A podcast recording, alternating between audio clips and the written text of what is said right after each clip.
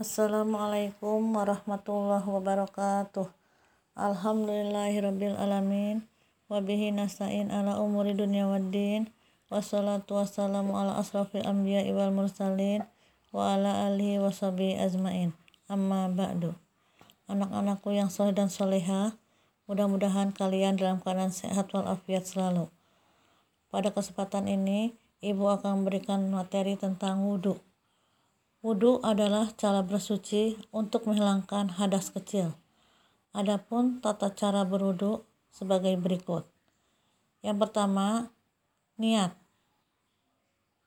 Bismillahirrahmanirrahim.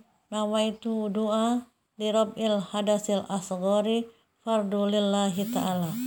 Saya niat wudhu menghilangkan hadas kecil karena Allah Ta'ala.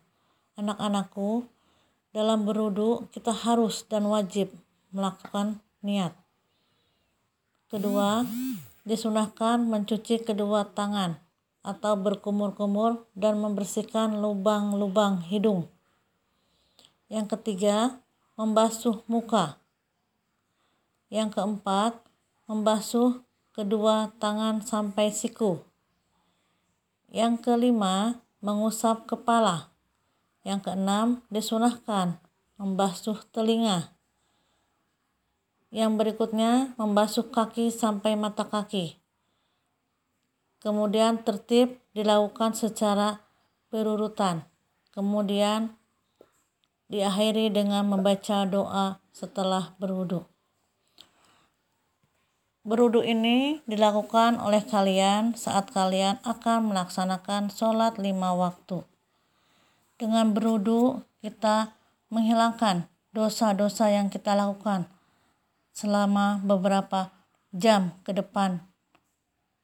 Karena dengan berwudu kita merasakan bersih dalam menghadap Allah Subhanahu wa taala.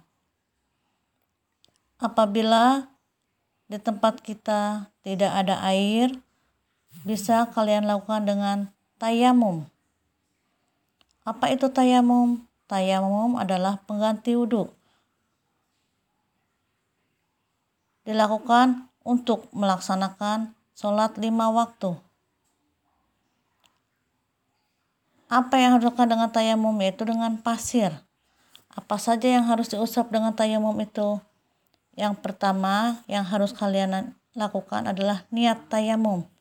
Bismillahirrahmanirrahim.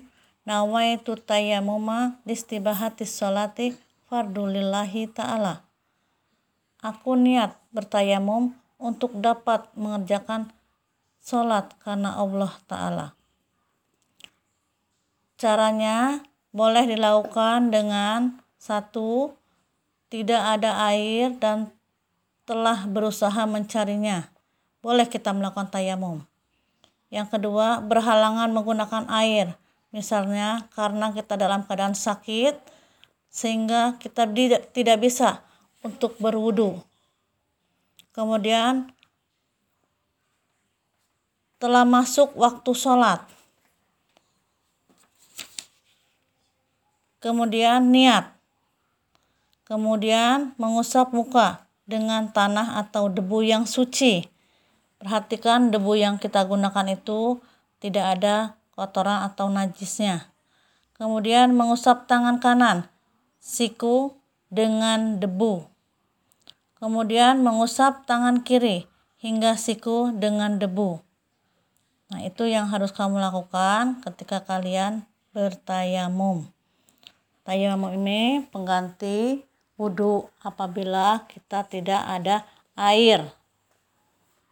Mungkin itu aja dari Ibu. Mudah-mudahan bermanfaat.